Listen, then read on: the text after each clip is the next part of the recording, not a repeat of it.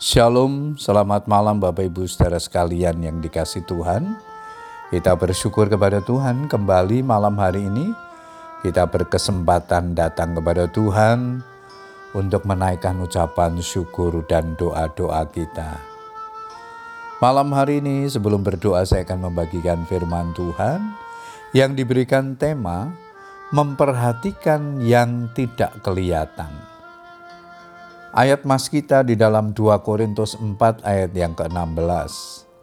Firman Tuhan berkata demikian, sebab itu kami tidak tawar hati, tetapi meskipun manusia lahiriah kami semakin merosot, namun manusia batiniah kami dibaharui dari sehari ke sehari. Ada banyak kesempatan Tuhan Yesus sering memperingatkan umatnya untuk tidak mudah kecewa karena pada dasarnya Tuhan tahu bahwa tidak seorang manusia pun yang kebal terhadap kekecewaan.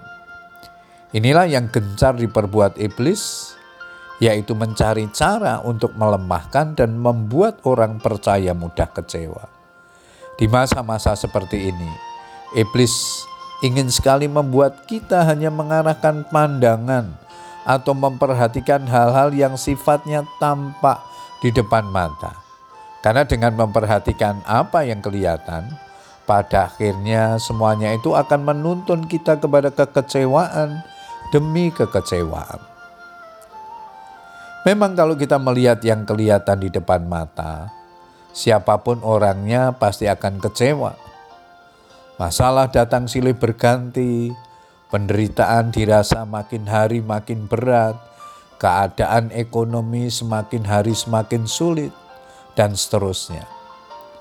Namun demikian Rasul Paulus mengingatkan kepada kita bahwa penderitaan ringan yang sekarang ini mengerjakan bagi kami kemuliaan kekal yang melebihi segala-galanya, jauh lebih besar daripada penderitaan kami. 2 Korintus 4 ayat yang ke-17. Mengapa dikatakan penderitaan ringan? Bukankah realitanya berat? 1 Korintus 10 ayat 13 di sana dikatakan bahwa pencobaan-pencobaan yang kamu alami ialah pencobaan-pencobaan biasa yang tidak melebihi kekuatan manusia.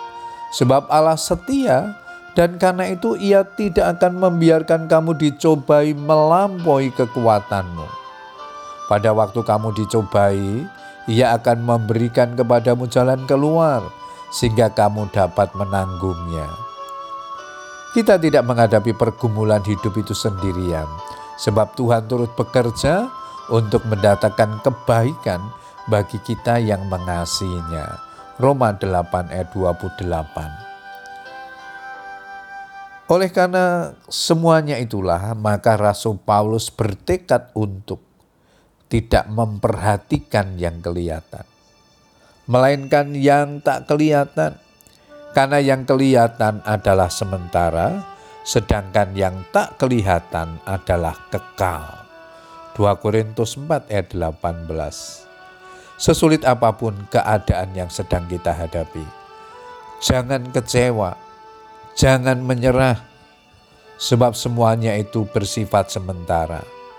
Marilah belajar melihat apa yang tidak kelihatan, yaitu mengarahkan pandangan hanya kepada Yesus dan janji firman-Nya.